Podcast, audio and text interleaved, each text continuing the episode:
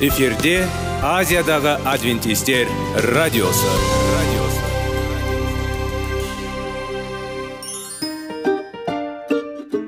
Сәлем достар. Денсаулық өмір бұлағы және біздің бірінші байлығымыз демекші денсаулық сағаты рубрикасына қош келдіңіздер. Біздің рубрикада біз әртүрлі факторларменен мәліметтерменен кеңестерменен бөлісіп шын жүректен сіздердің дендеріңіз сау болғанын қалаймыз. Сол үшін біздің рубрикаға қош келдіңіздер. Дайындалып тұрыңыздар. Өйткені келесі минуттарда қызықты фактілерге ие боласыздар. Енді достар ең бірінші байлығымызды қолымызға алып алға кеттік.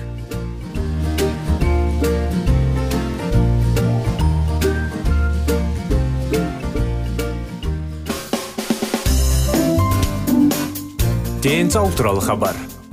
Денсаулықтың ашылуы. Күн сайын сөз үшін күшті кеңестер соңғы жаңалықтар қызықты факторлар. Біздің рубрикада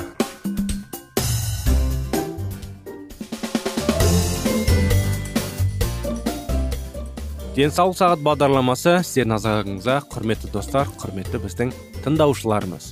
Қытай зерттеулері тақырыбын бастаған едік біраз болды. Соның сіздермен бірге бағдарламадан бағдарламаға шейін әрдайым ары қарай жалғастырып жүрміз. Соны ары қарай жалғастыра кетейік. Мен көпшілікке арналған дәрістерімді аудиторияға өз өмірімнің тарихын осы тақырыптарда қалай істегенімді айтуды бастаймын.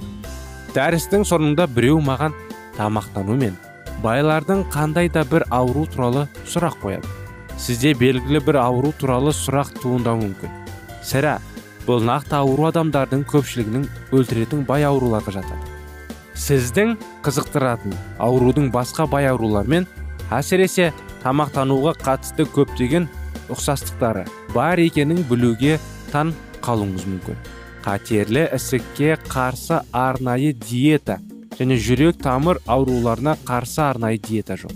Қазіргі уақытта бүкіл әлем ғылымдары қатерлі ісік ауруының алдын алуға көмектесетін бірдей диета жүрек қан тамырлары ауруларын сондай ақ семіздік қан диабеті катаракта макулодегенерация альцгеймер ауруы танымдық дисфункция склероз остеопороз және басқа да аурулардың емдеуде ұқсас оң әсері ететіндігі туралы көптеген дәлелдер алды. Сонымен қатар бұл диета гендеріне немесе бір нәрсеге және жеке бейімділігіне қарамастан кез келген адамға пайдалы болуы мүмкін. Барлық осы аурулардың дамуы көптеген басқа факторлар сияқты. Бірдей факторға байланысты зиянды емес көбінесе ұлы тамақ өнімдері және аурудың дамуын ынталандыратын факторлар. Олардың дамуына жол бермейтін факторлердің басым болатын өмір салты. Басқаша айтқанда бұл батыс елдеріне тән тамақтану туралы. Керісінше барлық осы ауруларға қарсы тұра алатын диета. Бар өсімдік тектес тұтас өнімдер. Келесі тараулардың әрқайсысы жеке ауруға немесе аурулар тобына арналған. Әр тарауда тамақтанудың осы аурудың дамуына әсер туралы дәлелдер келтірілген. Кітаптың тақырыптың осы бөлігін тыңдап отырып сіз өсімдік тектес тұтас тағамның пайдасына ғылыми дәлелдің таңқаларлық уақымен ауқыммен тереңдігіне түсіне бастаймыз. Мен үшін әртүрлі аурулар топтарына қатысты дәлелдердің дейкелікті болды бұл дәлелдердің неғұрлым сенімді аспектісі. Барлық шығу тегі бар өнімдер аурулардың кен спектрі жағдайында пайда болған жағдайда. Адамдарға табиғат басқа тағамдарды жеуге бола ма? Жоқ деп ойламай және сіз менімен келісесіз деп ойлаймын. Көптеген елдердің халқы тамақтану және денсаулық мәселелерінде қателеседі және бұл қателіктер адамдарға тым қымбатқа түседі. Біз ауырып артық салмақтың зардап шегеміз және шатастырамыз. Зертханалық тәжірибелер мен қытай зерттеулеріне кейін мен осы тақырыптың екінші бөлімінде сипатталған ақпаратқа тап болған кезде ол таң қалдырды. Мен біздің ең терең ойларымыз дұрыс емес екенін және денсаулыққа қатысты мәселелер туралы шындықтың аз екенін түсіндім. Ең өкініштісі бейқам қоғам бұл үшін тым қымбат төлейді. Жалпы менің кітабым қате түсініктіреді. Жою әрекетті. Сіз келесі басшылары кез келген ауру үшін оңтайлы денсаулық жағдайында жетудің жақсы әдісі бар. Жүрек тамыр ауруларының бастап қатерлі ісікке дейін сезімдіктен соқырлыққа дейін. Соған жүректер салыңыз. Қолың өзіне кеудеге және сезініңіз. Сіздің жүрегіңіз қалай соғады? Енді қолыңыздың импульске қойыңыз. Пульс тірі екендігіңізді көрсеткіш. Жүрек соғу жиілігі тудыратын жүрегіңіз сіз үшін әр минут сайын күн сайын және жыл сайын өмір бойы жұмыс істейді. Егер сіздің өміріңіз орташа болса онда бәрі үшін бұл уақытта сіздің жүрегіңізді соғу 3 миллиард есе болады. Жүрек ағзаның өмірлік белсенділігін қамтамасыз ететін негізгі орта және өте көбінесе өлім онымен байланысты. Жүрек қан тамырлары аурулары жанасы мен нәсіліне қарамастан адамдарға бірдей бейім егер сіз әйелдерден қандай ауру оларға көбірек қауіп төндіреді деп ойласаңыз жүрек тамыр аурулары немесе сүт безі қатерлі ісігі олардың көпшілігі сөзсіз соңғы ауру туралы айтады. Және олар қатерлеседі. Әйелдер арасында жүрек қан тамырлары ауруларынан болатын өлім жітім сегіз есе жоғары сүт безі обырынан. Миокард инфарктісі. Миокард инфарктісі дегеніміз не? Бірі оның маңызды себептері білім. Теросклеротитке әшекейлі. Бұл коронарлық артериялардың ішкі қабырғаларында. Жиналатын ақауыздардың майлардың холестеринді қоса иммундық жүйе жасушаларының және басқа компоненттерді майлы қабаты мен бір хирургтың саусағыңызды атеросклеротикалық бляшкалармен жабылған артерияның ішкі бетіне тигізеңіз жылы ірімшікке саусағыңызды тигізетіндей сезіңіз деп айтқан едім. Егер сіздің коронарлық артерияларыңызда осындай бляшкалар пайда болса бұл жүрек тамыр ауруының басталуы білдіреді. Кореяда сарбаздардың мәйіттерін ашу кезінде олардың 20 қабатында атеро қабаты бар склеротикалық бляшкалар соншалықты қалың болғандықтан артериялар 90 пайыз жетіге жабылды. Бұл сөз бақшаға арналған шлангі түйінге байып содан кейін кептерілген бақшаны жұқа су ағынымен сұрауға тырысқандай болды? Осындай анықтама құрметті достар. Майлар жайлы. Біздің өзіміздің жаңағындай атера жаңағындай склеротикалық бляшкалар жайлы анықтама. Қытай зерттеулері бағдарламасы тақырыбы аяғына келмеді. Жалғас келесі жолы болады. Келесі бағдарламаға дейін сау болыңыздар.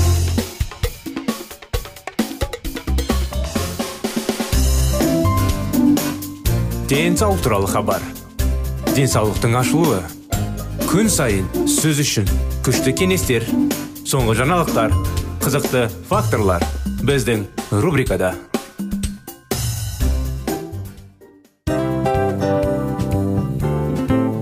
Әуелі байлық денсаулық екінші байлық он саулық үшінші байлық ақ жаулық. Ал енді осындай радио парақшадан кейін не дейміз?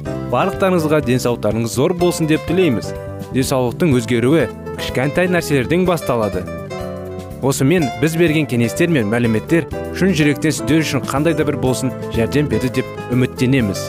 Тыңдаушыларымызбен келесі радио парақшасына дейін қоштассамыз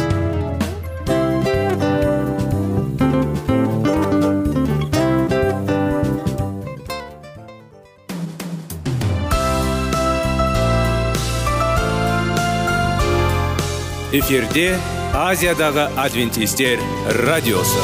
Радиосы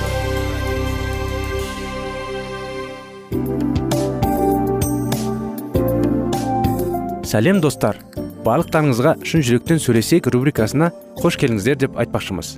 Шын жүректен сөйлесейік бағдарламасы әртүрлі қызықты тақырыптарға арналған. Шындығында шын жүректен сөйлесейік деген сөздің мағынасы екі достың екі адамның ортасындағы шын жүрекпен сөйлесуі бір біріне сенуі ашықтық пен шындықты білдіреді. Сол үшін біздің бағдарламалар әртүрлі қызықты тақырыптарға арналған.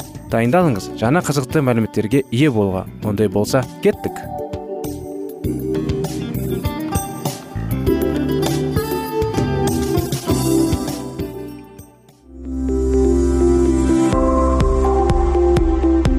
Алтын сөздер.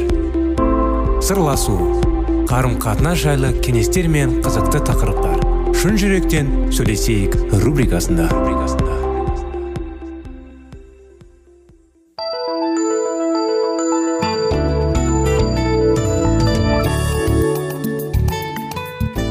Сәлеметсіз ме құрметті достар құрметті радио тыңдаушыларымыз сіздермен бірге шын жүректен сөйлесейік бағдарламасы. Сіздермен бірге 25 керемет неке оқиғаларын жалғастырамыз. Жұмыстағы менің әріптестерім мені бір нәрсені қаталындатын түсінді. Бір бастық әйел не болып жатқаны жөнінде түсініп қалды. Ол маған ешқандай сұрақ қоймастан ақ шұғыл түрде күйеуіңді тастауың керек деп ақыл берді. Мен күйеуімнің үйден беру үшін демалыс күндерін күттім. Өзімнің әріптестеріммен әңгімелесуден басқа мен сүйіспеншілік қатал болуға тиіс деген кітабын оқыдым. Осы кітап мені осы жағдайды күйзеліс дейін жеткізу үшін одан сайын шабыттандыра түсті. Сол кеште күйеуім үйге келді. Алайда ол үйге кіре алмады. Мен есікті шаппамен бекітіп жауып алған едім. Оны тек іш жағынан ғана ашуға болады ол қалай болса да үйге кіре алмайтын еді. Сол уақыттарда әлі ұялы телефондарды пайда болмаған кезі болатын. Күйеуім терезенің түбінде тұрып алды да әйелім мен мұндамын. Өтінемін мен үйге жіберші деп айқайлай бастады. Ақырында мен терезені аштым да оның сол жерде тұрғанын білетінімді және де оның түнеп шығуға үшін басқа жерді іздейтінін қалайтынымды айттым. Күйеуім бұл жағдайға сене алмады. Арада біраз уақыт өткен соң ол үйге кіре алмайтынын түсінді. Сондықтан ол досының үйіне қалып ораза ұстап сүйінумен керек деп шешім қабылдады. Үйде жалғыз қалған мен құдаймен шындап сөйлесуді жөн санадым. Мен өз дұғамды шамалап айтқанында былай бастадым жақсы жаратушым әкем менің саған айтатын бірнеше ойларым пікірлерім бар. Қазір күйеуім менің алыста жүрген кезінде күйеуім мен жөнінде өзін өзі сұмдық нашар ұстағаның жөнінде оған ашып берші. Мүмкін сен оған оның жаман бұл екенін көрсетсең немесе оны найзаға түскенде қорқытсаң тек өтінетінім оны өлтіре көрме менде оның өмірін сақтандыратын құжат жоқ. Бірақ мен күйеуім үшін қаншама мінәжат етсем де құдай маған менің өзімді ғана көрсететін. Құдай тәңірім көмектесе көрші. Күйеуім жайындағы әңгіме құдайға қажет болмады. Ол менің жүрегімнің жағдайын түсінгісі келді. Ол маған сенің некең табиғаттың түс күштердің араласуы қажет. Егер сен осыны қалайтын болсаң тылсым күштерін әрекет етуге тура келеді. Бұл дегеніміз сол кешіруге лайықты емес деп ойлаған кезінде де сен оны кешірсең деген мағынаны білдіреді. Деп жалғастыра түсті жаратушы ие сен одан өшіңді алуға үміттенесің деді. Кек алсақ не болады? Біз күйеуіміз екеуміз арасыдасып кеткен кезімізде біз қандай да болмасын себептер үшін күрескен жоқпыз. Бір біріміздің төмендетіп беделін түсіру үшін біздің екемізде айлар бойы жинақталған ату жарақаттарын пайдаланды. Үнемі ұлғайып бар жатқан теріс қылықтарымыздың жазбасы. Айыптаушылық пен күйімшіліктер біздің барлық ынталарымыздағының негізі болды. Тіпті кішігірім дәлелдер шайқасқа айналып шығып келетін және ақылға сыймайтын деңгейін дейін ұлғайтып кететін.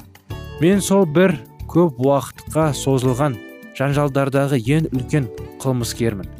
Оның осыған дейінгі жасаған қылмыстары үшін күйеуім кешіруді қаламадым.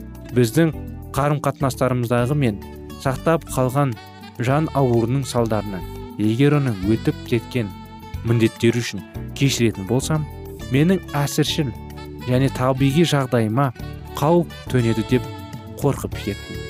Бірақ құдай маған күйеуінің кемілдікпен қаншалықты алыс болғандығының қарамастан ол бәрібір менің оны кешіруіме лайықты адам деп айтты. Мен қайтадан мен құдайдың назарын күйеуіме өзіме аударытуға тырыстым да алайда ол маған көнген жоқ. Мен барлық уақытта да неге мен өзгерте беруіме тиіспін. Сен де күйеуін тапып сол нәрсені айтасың деп үміттенемін. Өйткені егер сен тек сен ғана оған айтпайтын болсаң ол өзін өзгерту жайлы еш ойланбайды да деп жалбарындым. Алайда жаратқан ие жүрегімнің қырсықтығынан бар екендігін көрсетуді жалғастыра берді көп кешікпей тәкаппарлық пен өзімшілікті көрсету өздерінің жексұн бастарын көтере бастады мен әрі демалыс сайын күйеуім екеуміздің қауымда қол ұстасып қатарласып отырмайтынымызды адамдар көретін болса олар не деп айтады деп ойлай беретінімді байқадым. Мен оның басқа киім кию үшін және осыдан кейін әдептілікті сақтау үшін менімен бірге қауымға баруға рұқсат ететін деп ұйғырдым. Күйеуім да тым болмаса біз екеуміздің қарым қатынасымыз да міне ойымдайтын жоқ. Біз жайында адамдардың не ойлайтынын ғана менің тыныштығымды кетірді. Мен бәрінен де бұрын оған мұқтаж болған кезде менің бойымдағы тәкаппарлық қасиетті мені сол кездегі құдайдың берекесін алып өзгеруге жол бермеді. Ақырында мен құдайға мойынсынып өз жүрегімнен оған орын бердім. Күйеуім тіпті сұмдық қателік жасаса да мейлі дегенмен мен болып өткен оқиғалардың ішінде өзімнің кінәмді мойындауды жөн деп санадым. Менің жаратқан иенің алдында мойынсұнғаным сол ақ еді. Сол сәтте оның рақымы мені толтыра бастады. Мойынсыну әрдайым рақымға апаратын есікті ашып береді. Мен тәкаппарлыққа қарсы тұрады ал оған бой ұсындыраққа рақымын шашады. Мен күйеуімнің өзгерте алмайтынымды анық түсіндім. Оны өзгерту тек құдайдың қолына ғана келеді. Алайда мен өзімді өзгерту үшін жаратқан иеге жол бердім. Сол бір демалыс күндері күйеуім мүлдем басқа адам болып үйге қайтып келді. Біздің некелескен сол бір алғашқы жылдарында құдайдың онымен сөйлескеннен кейін. Алайда арада 30 жылға жуық уақыт өтсе де ол бұдан былай мені соққыға жығып көрген емес.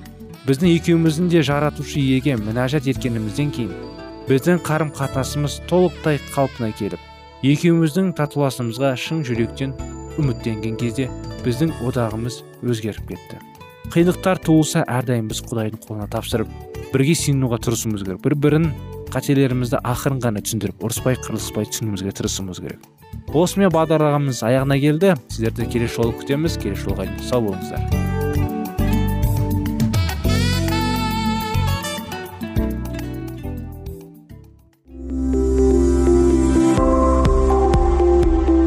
Алтын сөздер. Сырласу. Қарым қатынас жайлы кеңестер мен қызықты тақырыптар. Шын жүректен сөйлесейік рубрикасында.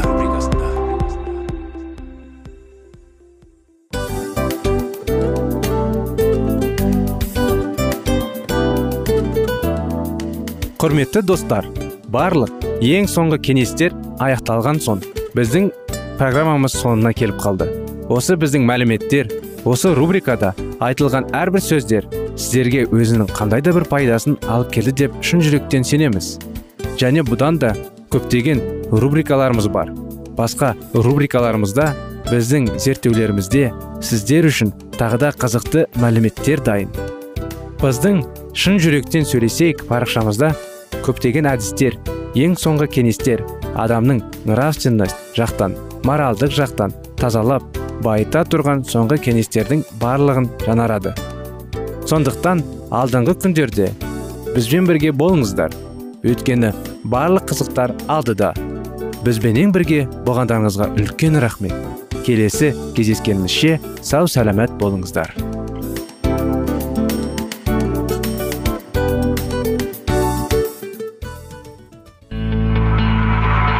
Жан дүниеңді байытқан жүрегіңді жаңғыртқан өмірдің мағынасын ойландырған рухани жаңғыру. Рубрикасы.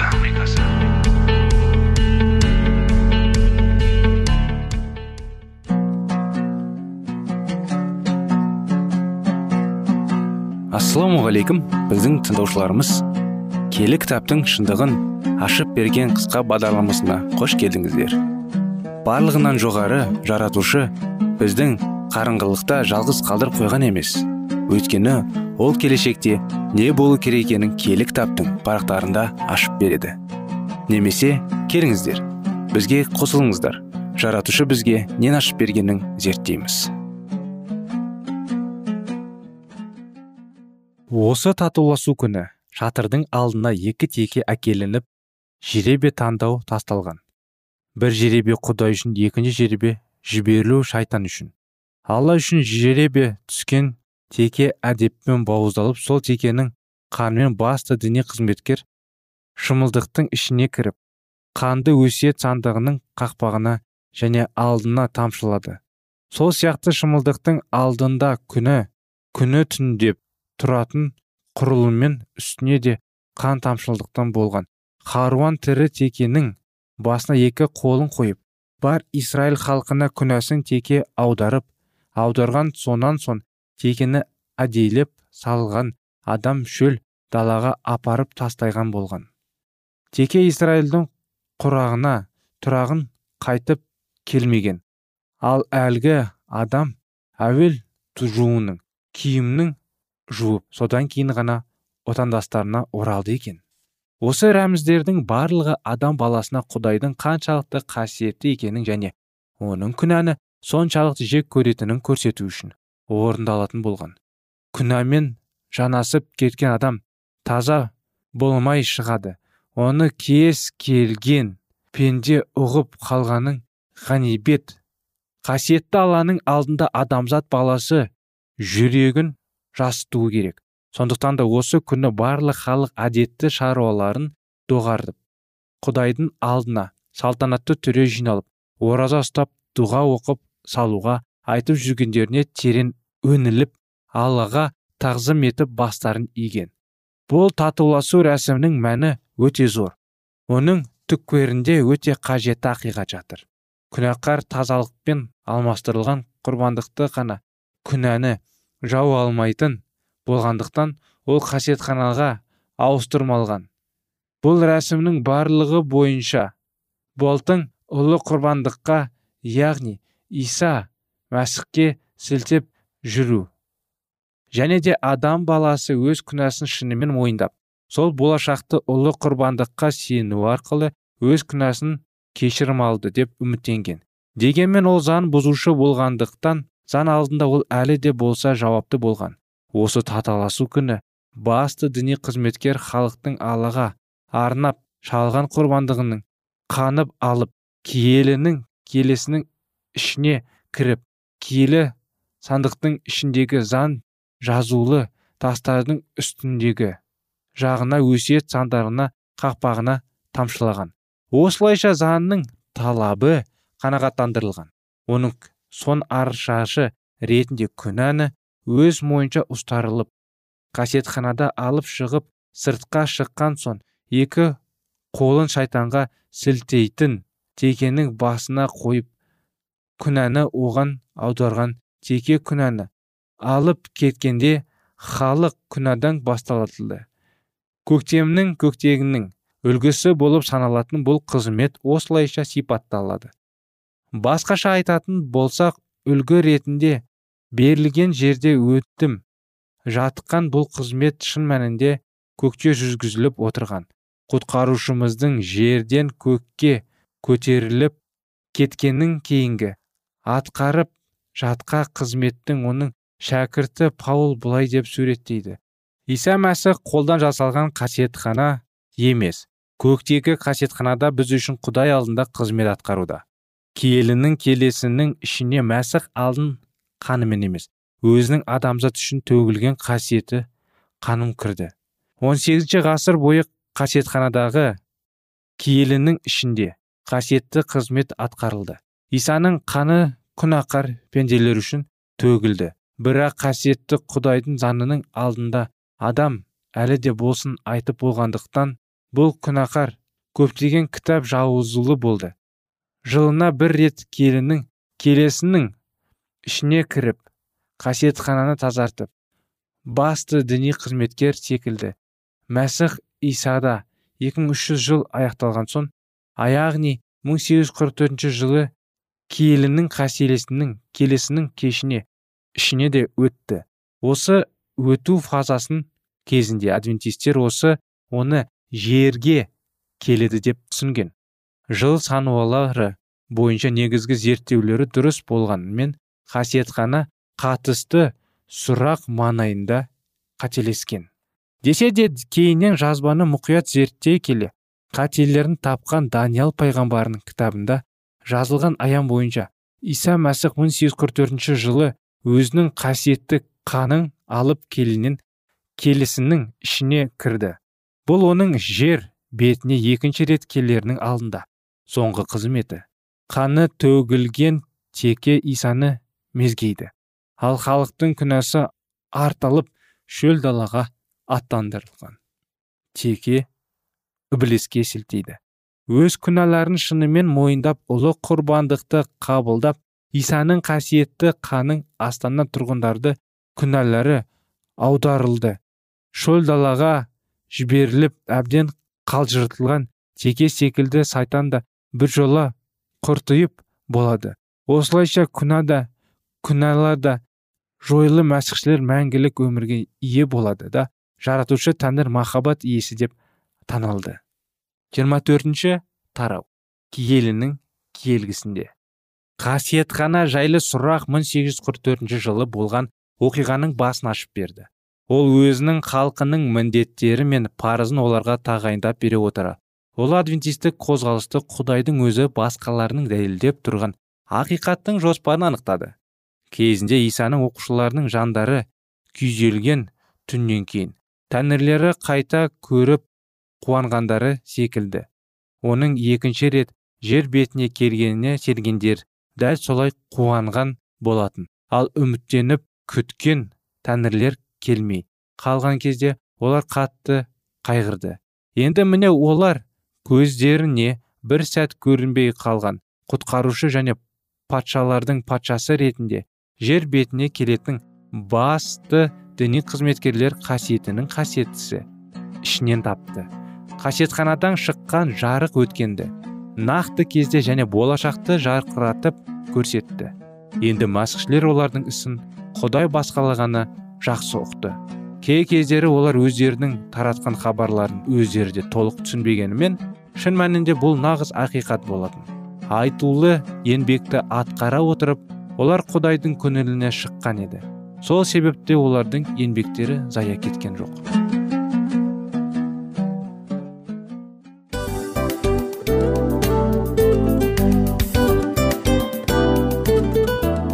Достар біздің радио парақшамыз өзінің соңына келіп те қалды. Демек бұл программамыздың қорытындысын айта кету керек. Негізі істің басталып жатқанын қуанту керек пе? Әлде оның қорытындысы қуанту керек пе? Сіздер қалай ойлайсыздар? Меніңше қорытындысы деп ойлаймын. Себебі жасаған ісінің жемісін көріп қорытынды арқылы бағалап жүрегін қуантады. Баяғыда айтқандай бидайды сепкенде емес бидайдың жемісін жинаған кейін ыстық нанды жегенде кәдімгідей рахаттанасың ғой.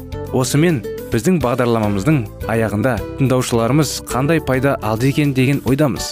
Егерде өткен сфераларда пайдалы кеңес алған болсаңыз біз өзіміздің масатымызға жеткеніміз. Бүгінгі 24 сағаттың алтындай жарты сағатын бізге бөліп ардағаныңыз үшін рахмет. Келесі кездескенімізше қош сау болыңыздар.